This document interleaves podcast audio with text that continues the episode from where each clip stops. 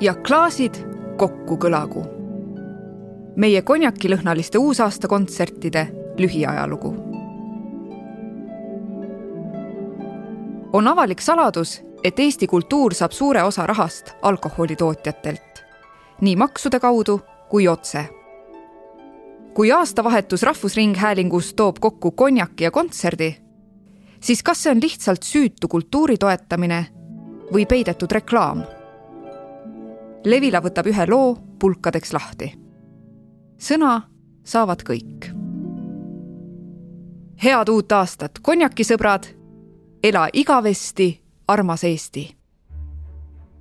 selliste sõnadega lõppes Eesti Kontserdi ja Hennessy uusaastakontsert kahe tuhande üheksateistkümnendal aastal. lisalugu Šampanjagalopp kulmineerus pudeli avamise pauguga ning otse Estonia kontserdisaali laval valati välja neli pokaali kihisevat. järgnes publiku maruline aplaus. see ei ole lugu uusaastakontsertide säravast programmist ja maailmatasemel muusikutest.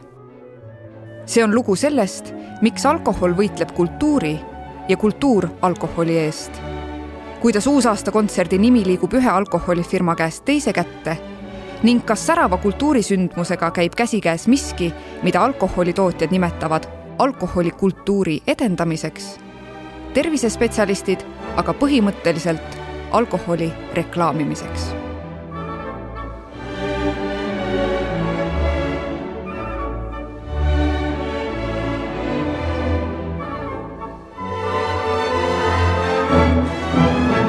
mitte ainult sponsorlus nagu äsja telepildi vahendusel nägime, kannab Eesti Kontserdi traditsiooniline uusaastakontsert sellest aastast uut nime. Remi Martini ja Eesti Kontserdi uusaastakontsert. Remi Martin ei ole Prantsuse helilooja või maadeavastaja, vaid konjak, mida tarnib Eesti Kontserdi uus suursponsor AS Liviko eksklusiivne koostööleping Eesti suurima alkoholitootja ja äsja kaheksakümnendat tegevusaastat tähistanud kontserdiorganisatsiooni vahel sõlmiti kahe tuhande kahekümne esimese aasta septembris. Livikost saab Saaremaa ooperipäevade suurtoetaja ning nüüdsest müüakse Eesti Kontserdi neljas kontserdimajas Tallinnas, Tartus, Pärnus ja Jõhvis üksnes Liviko alkoholi. boonusena uusaastakontserdi nimi üle kahekümne aasta oli kontserdiorganisatsioonil sarnane koostöö teise suure alkoholifirma AS Prikkega. viimane leping lõppes kahe tuhande kahekümne esimese aasta septembris ja seda ei pikendatud. kas Prikke polnud koostöö jätkamisest enam huvitatud? ma arvan, et oli, ütleb Eesti Kontserdi juht Kertu Orro. me rääkisime läbi ja leppisime kokku, et see leping lõpeb ja jätkasime Livikoga see kõik toimus väga sõbralikult, teineteist austavalt ja üksteist mõistvalt, nii et minu teada ei ole kummalgi osapoolel ei lepingu jooksul ega selle järgselt teineteisele pretensioone.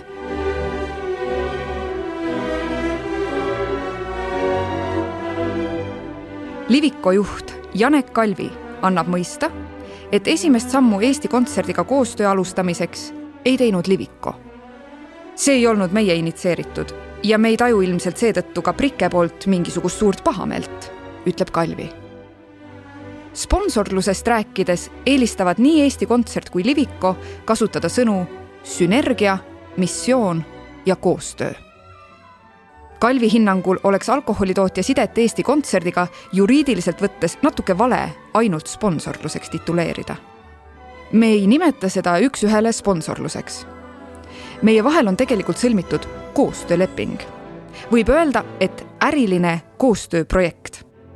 loomulikult mitte päris sada protsenti äriline, sest ega see meile mingisugune kasumlik või tohutult tulu toov asi ei ole.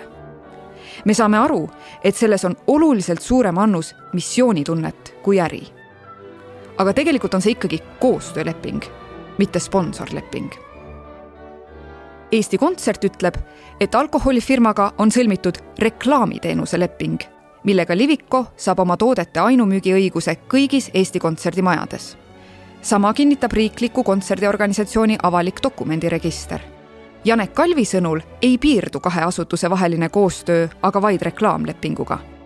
mitte ainult reklaam, või mitte ainult sponsorlus, vaid see on laias laastus koostööleping, mis tähendab, et see kätkeb endas tervet pikka nimekirja detailidest või nüanssidest, kuidas see koostöö välja näeb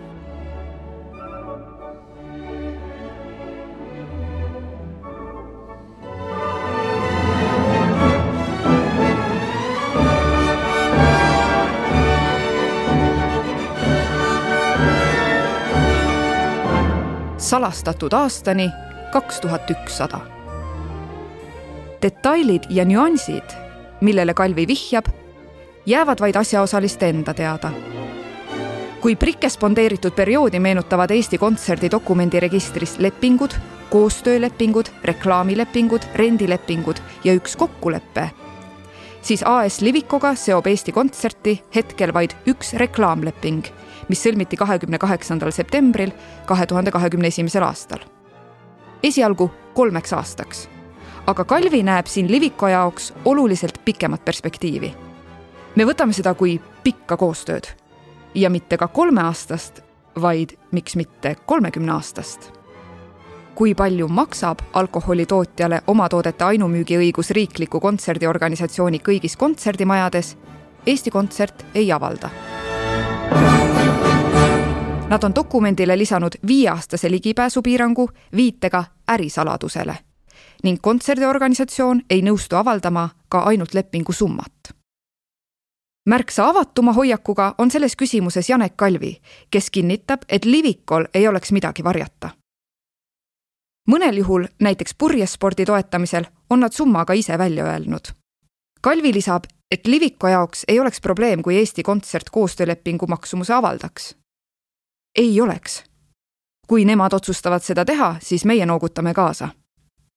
Meie seisukohast vaadates ei oleks siin kindlasti midagi häbeneda. Need summad on suured. aga Eesti Kontserdi motiive, miks nad ei soovi seda avaldada, on minul raske kommenteerida. see teema ei ole meie jaoks niivõrd sensitiivne, kuid me saame aru, et partneri jaoks võib see olla üsnagi sensitiivne. kui sensitiivne sellest annab aimu pilk mõne aasta tagusesse aega. Tänaseni pole Eesti Kontserdi dokumendiregistris kättesaadavad AS Prikkega sõlmitud vanad lepingud, mille ligipääsupiirang aegus kahe tuhande kahekümne esimese aasta suvel. veelgi enam, neli Prikke lepingut on tänaseks külge saanud uue piirangu, mis võimaldab nendega tutvuda seitsmekümne kaheksa aasta pärast. Need on salastatud aastani kaks tuhat ükssada kui viieks aastaks saab dokumendi kättesaadavust piirata ärisaladuse kaitseks ja maksimaalselt seitsmekümne viie aastane kaitse on kohaldatav delikaatsete isikuandmete puhul, siis veel pikema piirangu põhjendusena kasutab Eesti Kontsert krüptilist paragrahvi avaliku teabe seadus paragrahv kolmkümmend viis lõige üks punkt üheksateist, mis piirab ligipääsu seaduses sätestatud muu teabe tõttu. Sama hästi võiks piirangute lõpuajaks kirjutada mitte kunagi, sest nimetatud dokumente pole tegelikult plaanis kunagi kättesaadavaks teha.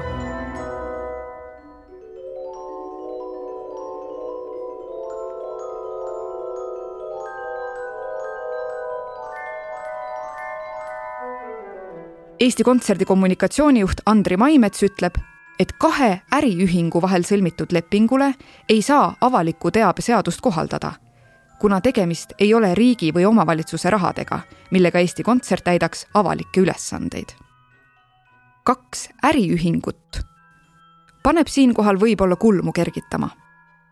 sügisel, kui Eesti Kontsert tähistas oma kaheksakümnendat tegevusaastat, oli juttu meie vanimast ja suurimast kontserdiorganisatsioonist olgugi et kuuskümmend protsenti asutuse eelarvest tuleb riigilt, pole Maimetsa hinnangul õige nimetada Eesti Kontserti riiklikuks kontserdiorganisatsiooniks. see oli riiklik aastani kaks tuhat neliteist, mil muudeti eraõiguslikuks sihtasutuseks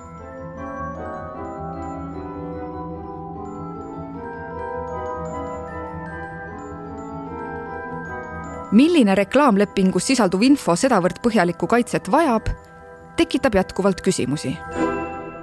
Eesti Kontserdil on lisaks Livikole veel viis sponsorit. hooaja peasponsor Admiral Markets, mis tegeleb investeerimise ja krüptorahaga ning Olerex, Mercedes-Benz, Jazz Pesulad ja Haapsalu Tšaikovski festivali peatoetaja Coop Haapsalu. sponsoritelt laekunud tulusid kajastab Eesti Kontsert oma majandusaasta aruandes ning kahtlustäratavalt suuri summasid ei ole selle alusel laekunud enne ega laeku ilmselt ka edaspidi. prognoosi järgi on sponsortulu isegi languses.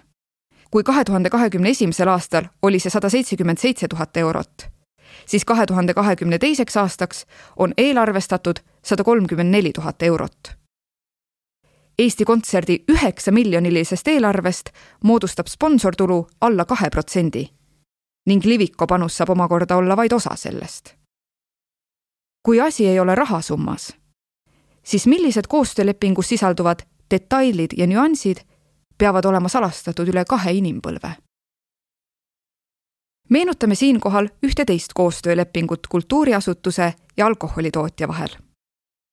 mäletate, kui laulu- ja tantsupeo kuldsponsori tiitlile jooksid tormi A Le Coq ja Saku õlletehas? võitjaks tuli A Le Coq, kes oli rahvuspeo suursponsor üle kümne aasta õlletootja tegi liiga julge käigu kahe tuhande neljateistkümnendal aastal, algatades kampaania Kas eestlane on laululind või tantsulõvi, mis lubas iga ostetud laulukuuspaki või tantsukuuspaki pealt toetada ühe peol osaleva koori või tantsurühma tegevust. Eesti Laulu- ja Tantsupeo Sihtasutus andis koostöölepingu toona Äripäevale välja ning selgus, et koos omatoodete ainumüügiõigusega sai A Le Coq ühtlasi loa kasutada laulu- ja tantsupidu oma turunduskampaaniates. sihtasutusega kooskõlastamata jäetud laululinnu ja tantsulõvi kampaania suutis aga lisaks Terve Eesti Sihtasutusele ja Eesti Arstiteadusüliõpilaste Seltsile põhjalikult välja vihastada ka Sotsiaalministeeriumi ja Kultuuriministeeriumi. kampaania katkestati ning alguse said arengud, mis pikemas perspektiivis päädisid sellega, et pärast kahe tuhande neljateistkümnendat aastat laulu- ja tantsupeol alkoholi enam ei müüda.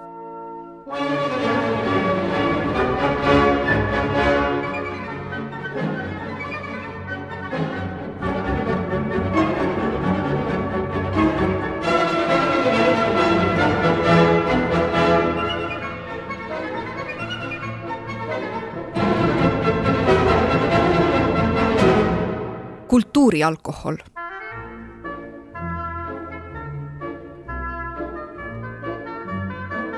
nii AS Prike kui AS Liviko on Eesti kultuurimaastikul tugevalt kanda kinnitanud. Liviko on Rahvusooper Estonia ning Eesti Riikliku Sümfooniaorkestri pikaaegne sponsor. Nende toel toimub Kirjanike Liidu romaanivõistlus, tegutseb Kunstnike Liit ning purjetavad Kalevi jahtklubi noored purjesportlased. alkoholifirma toetusest ei jää puutumata ka loomariik.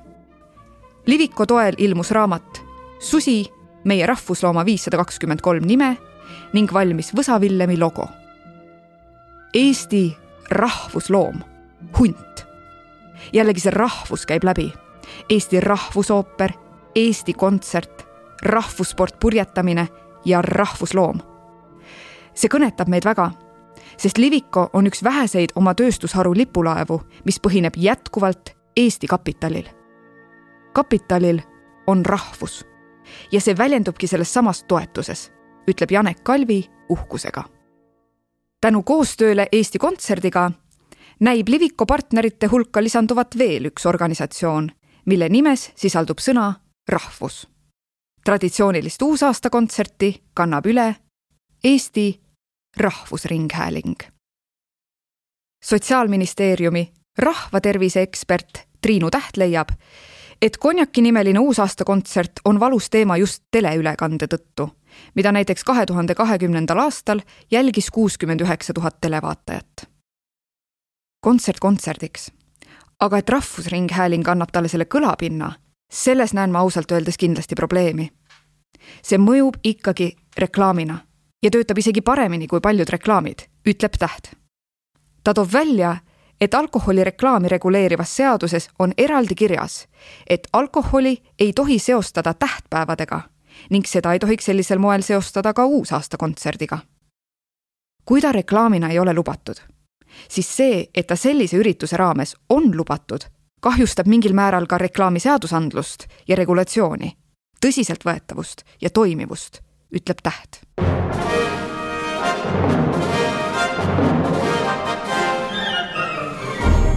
Ütle üks ilus uusaastakontserdi nimi uusaastakontserdi nimi kui selline kontserdiorganisatsiooni ja alkoholitootja vahel sõlmitud lepingus kirjas ei ole.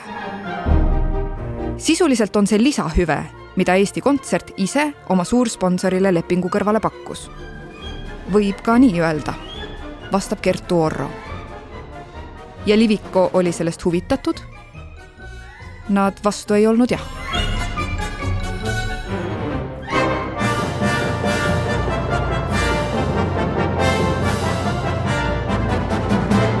uusaastakontserdile nime otsides läks rahvuslik alkoholitootja kodumaistest jookidest siiski mööda. ja valituks osutus nende tarnitav Prantsuse konjak Remi Martin. kui küsida, miks peab uusaastakontsert tingimata konjaki nime kandma, kõlavad nii Eesti Kontserdi kui Liviko poolt vastuseks väärikus, kvaliteet ja traditsioonid mis ooperimaja puhvetis kõige nõutum kaup on, mille järgi tarbija ise käe sirutab? kui ta otsustab üldse, et ta millegi järele sirutab. harilikult on see ikkagi brändi või konjak. see oli nii ka muide enne seda, kui Hennessy ja Eesti Kontsert koostööd alustasid. see on rahvusvaheliselt kuidagi välja kujunenud kultuuriline tava, leiab Janek Kalvi. ja arvestades ka seda aega, on tähistamine on teatud luksus meie ümber, ilusad tualetid, ilus ja kaunis muusika, hästi väärikas. just nendel tingimustel osutus bränd valituks, lisab Liviko kommunikatsioonijuht Eve Nõmm. tema ametivend, Eesti Kontserdi kommunikatsioonijuht Andri Maimets leiab, et alati võib arutada ja diskuteerida, milline bränd Liviko tooteportfellist peaks uusaastakontserdile nime andma. Aga siiamaani on see olnud konjak esimest jaanuari seostatakse konjaki, pidulikkuse, tähtpäeva, ilu, rõõmuga. iga semiootik võib siia juurde mõelda, ütleb Maimets.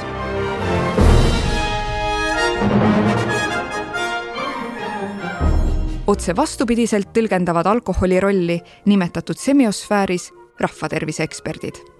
Tervise Arengu Instituut on seisukohal, et valides ürituse korraldamisel sponsoriks alkoholifirma, aitab Eesti Kontsert omalt poolt kaasa alkoholi reklaamimisele ja selle normaliseerimisele kultuurisündmuste osana. see on vastuolus alkoholipoliitika eesmärkidega, mis püüdlevad inimeste hoiakute muutmise suunas, ütleb Terviseriskide Ennetamise Keskuse juht Anneli Sammel kuigi oma olemuselt erineb kultuurisündmuste sponsorlus tavareklaamist, on selle eesmärk Sammel hinnangul siiski täpselt sama. see annab tootjale võimaluse rääkida ilusat lugu alkoholi tarbimisega kaasas käivast naudingust, unustamatutest hetkedest ja ühtekuuluvustundest. rahvatervise eksperdi Triinu Tähe hinnangul tõstab konjaki brändi nimeline uusaastakontsert igal juhul alkoholi nähtavust ühiskonnas. see on koht, kus paljud inimesed, kes mitte kunagi ei tõsta jalga Estonia kontserdisaali, sellest kuulevad ta legitimeerib alkoholi ja parandab alkoholi mainet. kui see oleks ainult brändi asi, siis ausalt öeldes see, kas Eesti konjakisõbrad joovad rohkem Remi Martini või Hennessy konjakit, on täiesti ükskõik. aga suurendades iseenda nähtavust, suurendavad eri brändid ja eri firmad alkoholi nähtavust tervikuna, ütleb Täht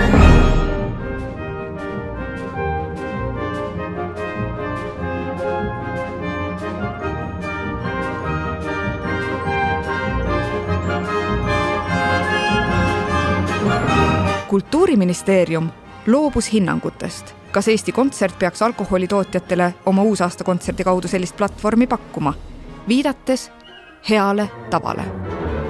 mitte korraldada ühegi ministeeriumi haldusala asutuse igapäevast majandustegevust ega reguleerida sponsorsuhteid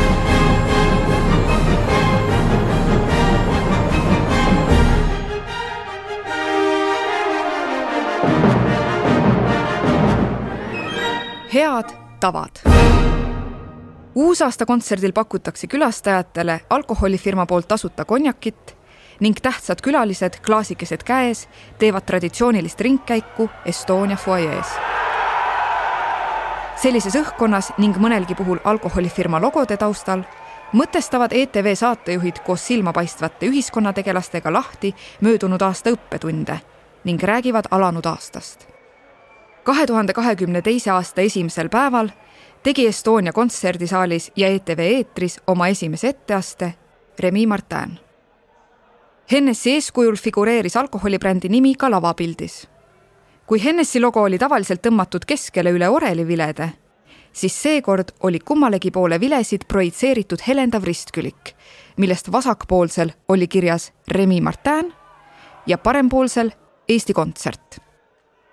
Lavakujundus, poolitunud uusaastakontserdi nimi või reklaamtahvel. jäägu see iga vaataja enda otsustada.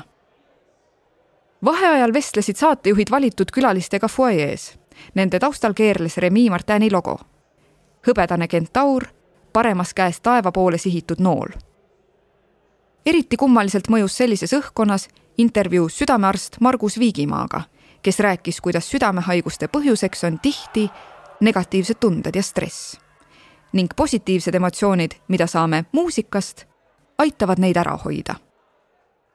Eesti Kontserdi juht Kertu Orro ei näe uusaasta kontserdiga seoses moraalset, juriidilist ega mingisugust muud konflikti viimased kakskümmend viis aastat ei ole juba näinud. kui ERR on selle ära hinnanud oma positsioonist lähtuvalt, olles selle eetrisse laskja ja Rahvusringhäälingu seaduse täitmise eest vastutav partner ning siin konflikti ei näe, siis miks peaks mina kui programmitootja seal konflikti nägema? ma arvan, et need riskid, juriidilised ja moraalsed hinnangud on ERR-i majas juba ära tehtud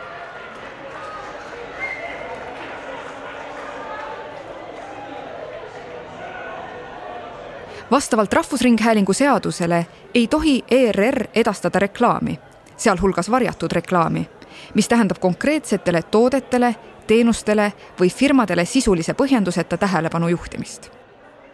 rahvusringhäälingu eetikanõunik Tarmu Tammerk aga ütleb, et ERR ei vali Eesti Kontserdi partnereid ning Konjaki nimelise uusaastakontserdi näol on tegemist Eesti Kontserdi sündmuse pealkirjaga mida ERR muuta ei saa. ERR-is on mitmel korral arutatud, kas ja kuidas sobib konjaki nimetamine kontserdi pealkirjas ning on öeldud, et meeleldi seda ei tehtaks, vahendab Tammerk. kultuuri ja spordi toetamine eraettevõtluse poolt sponsorluse raames on tema sõnul tänapäeval tavaline ning küsimus sponsorite nimetamisest puudutab Tammerki hinnangul laiemalt kogu kultuuri ja spordivaldkonda kui A Le Coq Arenal on spordivõistluse ülekanne, kas kohalolev reporter teeb õllereklaami, kui staadioni nime välja ütleb? kas Kultuurkapitali toel toimuv kultuurielu peaks häbenema, et suur osa sellest rahast tuleb alkoholi ja tubaka aktsiisist? kahe tuhandendate aastate alguses arutasid mitme väljaande toimetajad, kuidas ühiselt hoiduda ühe uue Tallinna kino nimetamisest kaubamärgi järgi. algul leiutati väljendeid nagu limonaadikino aga varsti saadi üle, ütleb Tammerk.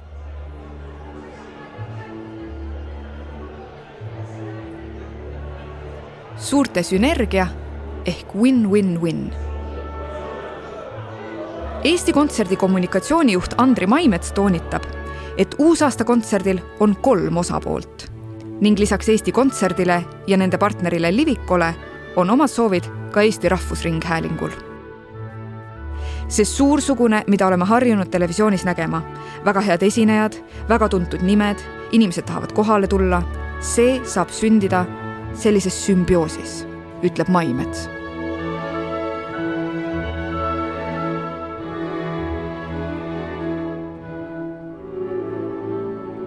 ehkki teleülekande kulud katab ERR, hoolitseb uusaastakontserdi glamuurse atmosfääri eest suuresti Liviko vaieldamatult on see kulu päris suur, ütleb Janek Kalvi.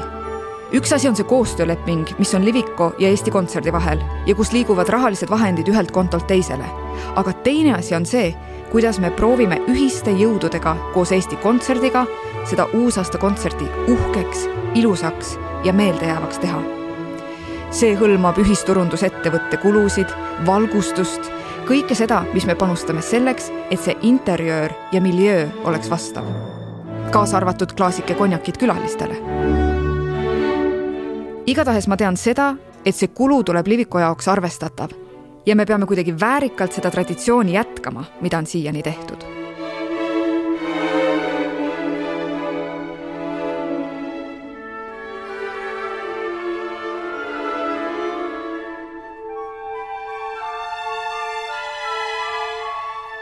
Nõnda ongi tekkinud omamoodi kummaline olukord, kus uusaastakontsert toob ühe laua taha Rahvusringhäälingu ja alkoholitootja. puutumust ERR-iga hindab Liviko kommunikatsioonijuht Eve Nõmm hetkel siiski põgusaks. ainult ühel kohtumisel.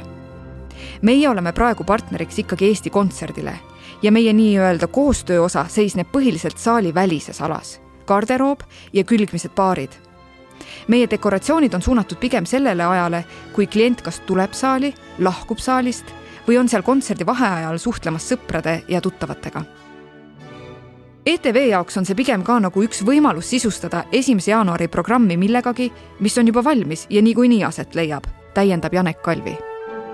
tänu sellele, et konjaki nimi on koha sisse võtnud kontserdi pealkirjas, on mõnevõrra keerulisem ka selle regulatsioon tarbijakaitse ja Tehnilise Järelevalve Ameti hinnangul pole Remi Martini ja Eesti Kontserdi uusaastakontserdi nime puhul tegemist reklaami, vaid sponsorteatega, kuivõrd see sisaldab spondeerija kaubamärki. kui nimes sisalduks aga selline kaubamärk, mis sõnas või pildis otseselt kujutaks alkoholi või selle tarbimist, oleks selle kasutamine keelatud. niisiis ei ole lubatud näiteks lauaviina ja Eesti Kontserdi uusaastakontsert küll aga läheb läbi Remi Martini ja Eesti Kontserdi uusaastakontsert. rahvusringhääling edastab sponsorteavet vaid väga piiratud juhtudel ning iga kord peab selleks loa andma ERR-i nõukogu. Tarmu Tammerki hinnangul ei ole antud juhul tegemist isegi mitte sponsorteatega, vaid Eesti Kontserdi koostööpartneri bränd on osa kontserdi nimetusest. seetõttu pole vaja küsida ka nõukogu luba sponsorteave oleks tema sõnul televisioonis selgelt eristuv klipp või muu selline, mida saate ees, sees või järel esitatakse. selle info valguses tuleb ümber mõtestada ka lavapildis säranud Remi Martini kirjaga logo. ETV teleülekande jooksul näidati seda kaheksa minutit. küsimus, millist esteetilist väärtust kandis lavakujunduse seisukohast suur konjaki nimega ristkülik muusikute pea kohal jääb õhku rippuma, sest teema ei näi kuuluvat mitte kellegi haldusalasse.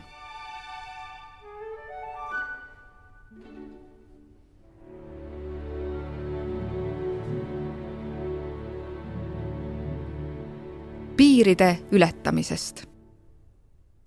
tervise Arengu Instituut rõhub eeskätt riigiasutuse südametunnistusele riiklik alkoholipoliitika on seadnud eesmärgiks muuta eelkõige noorte hoiakuid alkoholi suhtes. uuringud näitavad, et reklaam kõigis vormides mõjutab just noorte suhtumist alkoholi tarbimisse ja pole oluline, millist alkoholi seejuures reklaamitakse, ütleb Anneli Sammel eelkõige võiksid riiklikud asutused tema sõnul lähtuda alkoholipoliitika eesmärkidest ja üldistest eetilistest kaalutlustest ning lõpetada kultuurisündmuste ja alkoholi seose põlistamise. kui uusaastakontserdi teleülekannet jälgib üle kuuekümne tuhande vaataja, siis ligikaudu sama palju on Eesti ühiskonnas inimesi vanuses kaheksateist kuni kuuskümmend neli, kes on alkoholist sõltuvuses ning ei tervita klaasikesega kaugeltki mitte ainult aasta esimest päeva Eesti elanikud tarbisid kahe tuhande kahekümnendal aastal kümme koma viis liitrit absoluutalkoholi inimese kohta, mis on võrreldes Eestile kõige kriitilisema kahe tuhande seitsmenda aastaga küll neli koma kolm liitrit vähem, kuid siiski tugevalt üle Euroopa keskmise. võrreldes varasema aastaga kasvas tarbimine null koma üks liitrit. rahvatervise eksperdi Triinu Tähe hinnangul on alust arvata, et kui üldtarbimise number jääb enam-vähem samaks aga alkoholist tingitud haigusnumbrid ja surmajuhtumite arv kasvavad, viitab see trendile, et see osa ühiskonnast, kes jõi ennegi vähe, joob nüüd veel vähem või üldse mitte. ja teine osa ühiskonnast joob selle võrra rohkem. uusaastakontserdile mõeldes tekivad tal kahetised tunded. võib-olla oma otsese sihtgrupi jaoks, kes armastab klassikalist muusikat, see ei olegi suur probleem, ütleb Täht aga kui tal on ühiskonnas laiem kõlapind, siis pole see enam bränditurundus, vaid jõuab ka nii-öelda poe taha. Neil on Remi Martin, aga meie võtame oma Iibise ja teeme oma uusaastakontserti. siiski ei tasu eeldada, et haritud inimestel alkoholiprobleeme ei ole. tegelikult ikka on küll ja päris palju, ütleb Täht. alkoholisõltuvus ei tunne ühiskonnaklasside piire. vahe on aga selles, et haritud inimestel on tihtipeale suurem turvavõrgustik ja parem enesejuhtimine. täiesti universaalne on tema sõnul see, et edukamad inimesed kannatavad Eestis oluliselt vähem kui need, kes on halvemal järjel, ka siis, kui nad joovad sama palju. Nad saavad andeks. elu annab neile teise võimaluse. on see alkohol, narkootikumid, hasartmängud või muud sotsiaalsed hädad minu süda tilgub verd, kui kuulsad või ühiskonnas lugupeetavad ja edukad inimesed teinekord hooplevad, kui palju ja kui efektselt nad joovad, öeldes ma alustan päeva šampanjaga. esiteks on see tavaliselt kõvasti liialdatud. ja teiseks, kui seda vaatavad mitte nii edukad ja mitte nii tugeva sotsiaalse tausta ja haridusega inimesed, kes seda imiteerivad, siis nemad peavad selle eest tihtipeale maksma täit hinda kui neil midagi juhtub, pole neil ressursse ja varusid, et kahjusid kinni maksta. Nende sõpradel ega perekonnal samuti mitte. see on üks põhjus, miks suhtuda väga ettevaatlikult elitaarsete kommete eksponeerimisse, kui need sisaldavad mõnuainete tarbimist või riskantseid ettevõtmisi. nii ongi. rikkad ja ilusad ei pea oma eksimuste ja libastumiste eest maksma. vähemasti mitte nii valusalt kui tavainimesed, ütleb Täht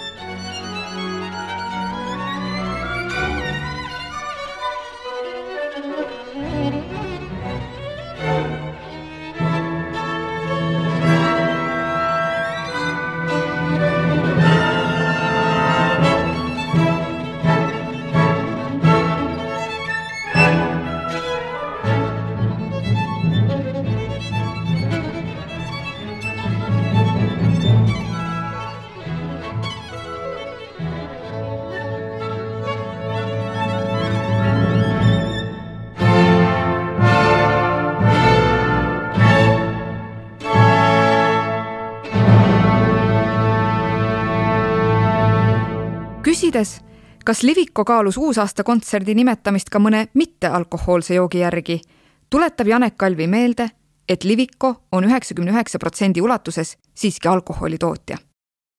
oleks meil täna olnud midagi väärilist mittealkohoolsete jookide portfellist vastu panna, siis ei oleks seda välistanud. ja me nagu päriselt ei arva ka, et see on ju kultuuriline tava mingis mõttes, et aastavahetusel tõstetakse pokaali ja soovitakse head uut aastat. Janek Kalvi avaldab kahetsust, et on järjest vähem kohti, kultuurilisi kontekste, kus kange alkoholi kaubamärk ennast kohasena tunda saab. aastavahetus ning sellele järgnev esimene jaanuar on tema hinnangul kindlasti üks sellistest kohtadest. miks mitte, küsib Kalvi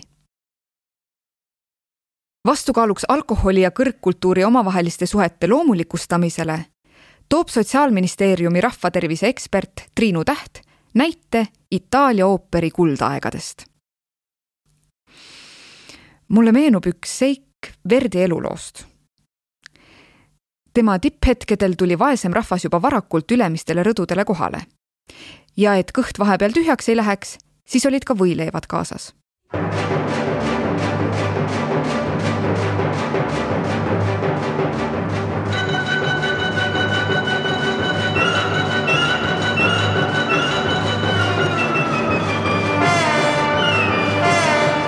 etendust oodates lõigati lahti vorstid ja selleks ajaks, kui ooper algas, oli saal täitunud salami ja küüslaugu lõhnaga. see on ka üks osa ajaloost. täna me ei lähe võileivaga Estoniasse, ajad muutuvad. ja kui midagi ajaloost üle võtta, siis pigem neid pikki kleite ja muud uhkemat. ma kahtlustan, et alkohol ei ole muusikakultuurist lahutamatu. kui vaja, on ta siiski päris hästi lahutatav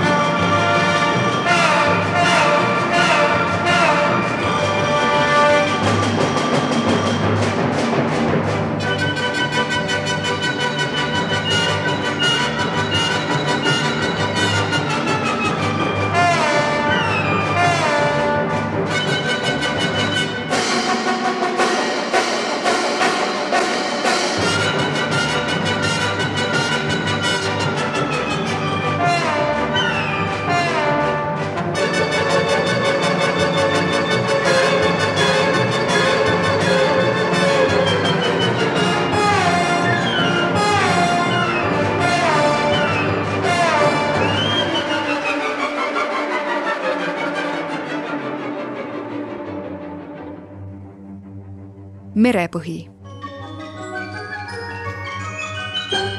Eesti Kontsert on kõnealuse teema käsitlemisest pehmelt öeldes häiritud, Rahvusringhäälingust rääkimata. kontserdiorganisatsioon on lõppude lõpuks sarnaselt teiste kultuuriasutustega keset koroonakriisi ning nelikümmend protsenti eelarvest, mis peab tulema piletitulust, rendilepingutest, sponsoritelt ja toetajatelt, tuleb teenida asutusel endal ainuüksi kahe tuhande kahekümnendal aastal langes Eesti Kontserdi omatulu üks koma seitse miljonit eurot. see kuuskümmend nelikümmend on ikkagi väga raske suhe. Euroopa kontekstis on klassikalise muusika põllul toimetajatel omatulu teenimise vajaduse protsent enamasti kaheksa. minu meelest ERSO-l on ta natuke alla kahekümne, aga Eesti Kontserdil ja teatritel on see proportsioon umbes sama, rääkis Kertu Orro. Eesti Kontserdi palgal on kolmsada inimest sealhulgas kaks muusikakollektiivi, Eesti Rahvusmeeskoor ja Hortus Musicus. ülal tuleb pidada viit kontserdimaja Tallinnas, Tartus, Pärnus, Jõhvis ja Peterburis. ning kui elektri hinna tõus andis tunda ka kodumajapidamistes, siis võrdluseks Jõhvi kontserdimaja oktoobrikuu elektriarve, mis oli kakskümmend tuhat eurot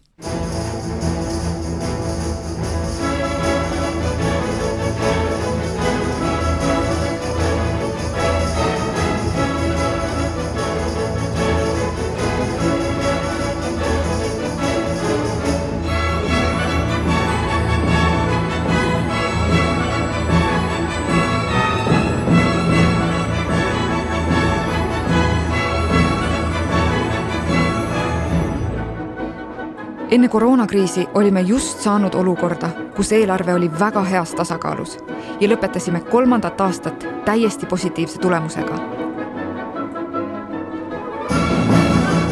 ja tänu sellele, et meil oli, mida sahvrist võtta, olemegi siiamaani ellu jäänud. aga omavahel öeldes, sahvris kahe moosipurgi taga natuke veel on, aga siis on ka kõik.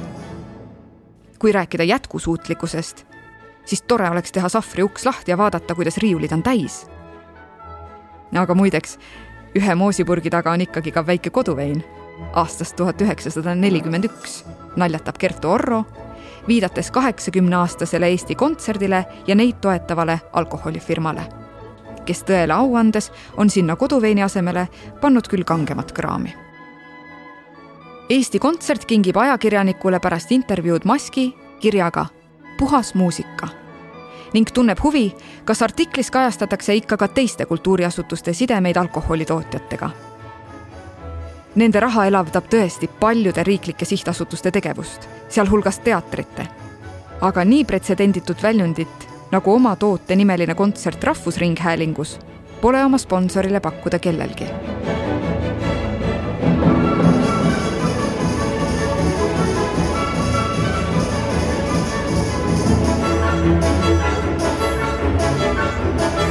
analoogne üritus oleks Rahvusooper Estonia ja Liviko koostöös sündinud Vana-Tallinna gala, mille kutsus üheksa aastat tagasi ellu toonane Rahvusooperi direktor Aivar Mäe, kes muide on ka Hennessy uusaastakontserdi algataja. rahvusooperi toetamise ja eraldi Vana-Tallinna gala eest andis tollane kultuuriminister Indrek Saar kahe tuhande üheksateistkümnendal aastal Livikule kultuurisõbra tiitli erinevalt uusaastakontserdist, mida ETV vahendusel jälgib ligi seitsekümmend tuhat inimest, piirdub ooperigala auditoorium aga saalis viibijatega. Liviko näeks Vana-Tallinna galat hea meelega ka Rahvusringhäälingu kanalites. muide, võiks üle kanda, täiesti soovitaks üle kanda, ütleb Janek Kalvi. Liviko juht rõhutab, et kultuuri toetamine on nende jaoks rohkem missioonist kantud tegevus kui äriline ettevõtmine selle tõestuseks on muide pretsedent aastast kaks tuhat kaheksa, mil Liviko tegi Kumule Euroopa aasta muuseumi tiitli puhul tollal viiesaja tuhande krooni suuruse, kolmkümmend kaks tuhat eurot, sihtannetuse. Kumu direktriss Sirje Helme rõõmustas alkoholitootjale tänuplaati üle andes, et Eestis hakkab juurduma sponsorluse traditsioon, aga AS Liviko tehtud tingimusteta mitte midagi tagasi nõudev metseenlus on Eestis esmakordne. lisaks kinkis kunstisõprade selts muuseumile Erik Haameri paguluses maalitud maali Merepõhi, mida Kumu juba ammu oma kogusse ihkas.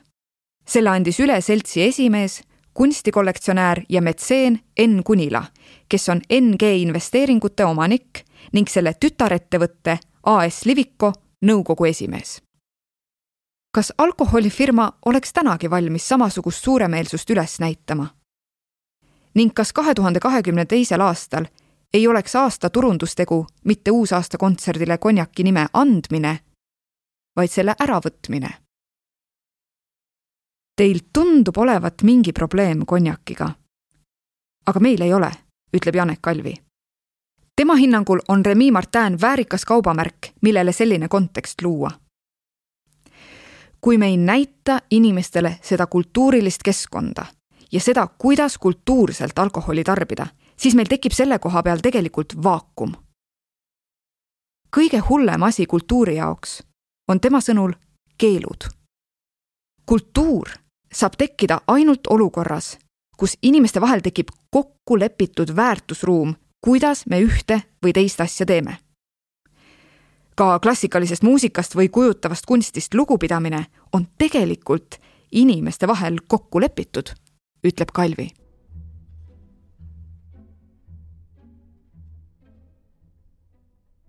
alkoholikultuuri näeb ta samasuguse kokkuleppena. aastavahetusel ikka juuakse ja see ongi just see koht, kus on hea näidata, kuidas see võiks kultuurselt välja näha. me ei taha sealt tagasi tõmmata. mis siin salata, me oleme ka alkoholiettevõte ja teeme seda uhkuse ja väärikusega nii hästi, kui me oskame ja nii kultuurselt, kui me oskame. Te tahate meilt ühte head, suurepärast tööriista ära võtta praegu. aga me ei tahaks sellega nõustuda, ütleb Kalvi. rahvatervise ekspert Triinu Täht vaatab lootusrikkalt tulevikku ja leiab, et impulss uusaastakontsert alkoholist lahti ühendada peaks tulema Eesti riigi poolt see peab tulema ikka palju kõrgemalt. see arusaam, et nii vaesed me ka ei ole. ja ERR-il võiks siin kahtlemata olla oma sõna, ütleb Täht. kuna teema kuulub kultuuriministri ja Kultuuriministeeriumi haldusalasse, siis on see ka Eesti poliitilise juhtkonna otsus. eks neilgi on olnud palju põletavamaid teemasid. aga võiks tõstatada selle küsimuse kas uus aasta peab tingimata tulema mõne alkoholibrändi egiidi all? või saame äkki juba ilma hakkama? kas me oleme ühiskonnana jõudnud nii kaugele? küsib Täht. nüüd on alkoholitootjal muidugi uus leping ja läheb jälle aega, aga ega Roomat ei ehitatud ka ühe päevaga. loo autor Miina Pärn audiolugu luges Teele Pärn. salvestus ja helikujundus Janek Murd. Levila kaks tuhat kakskümmend kaks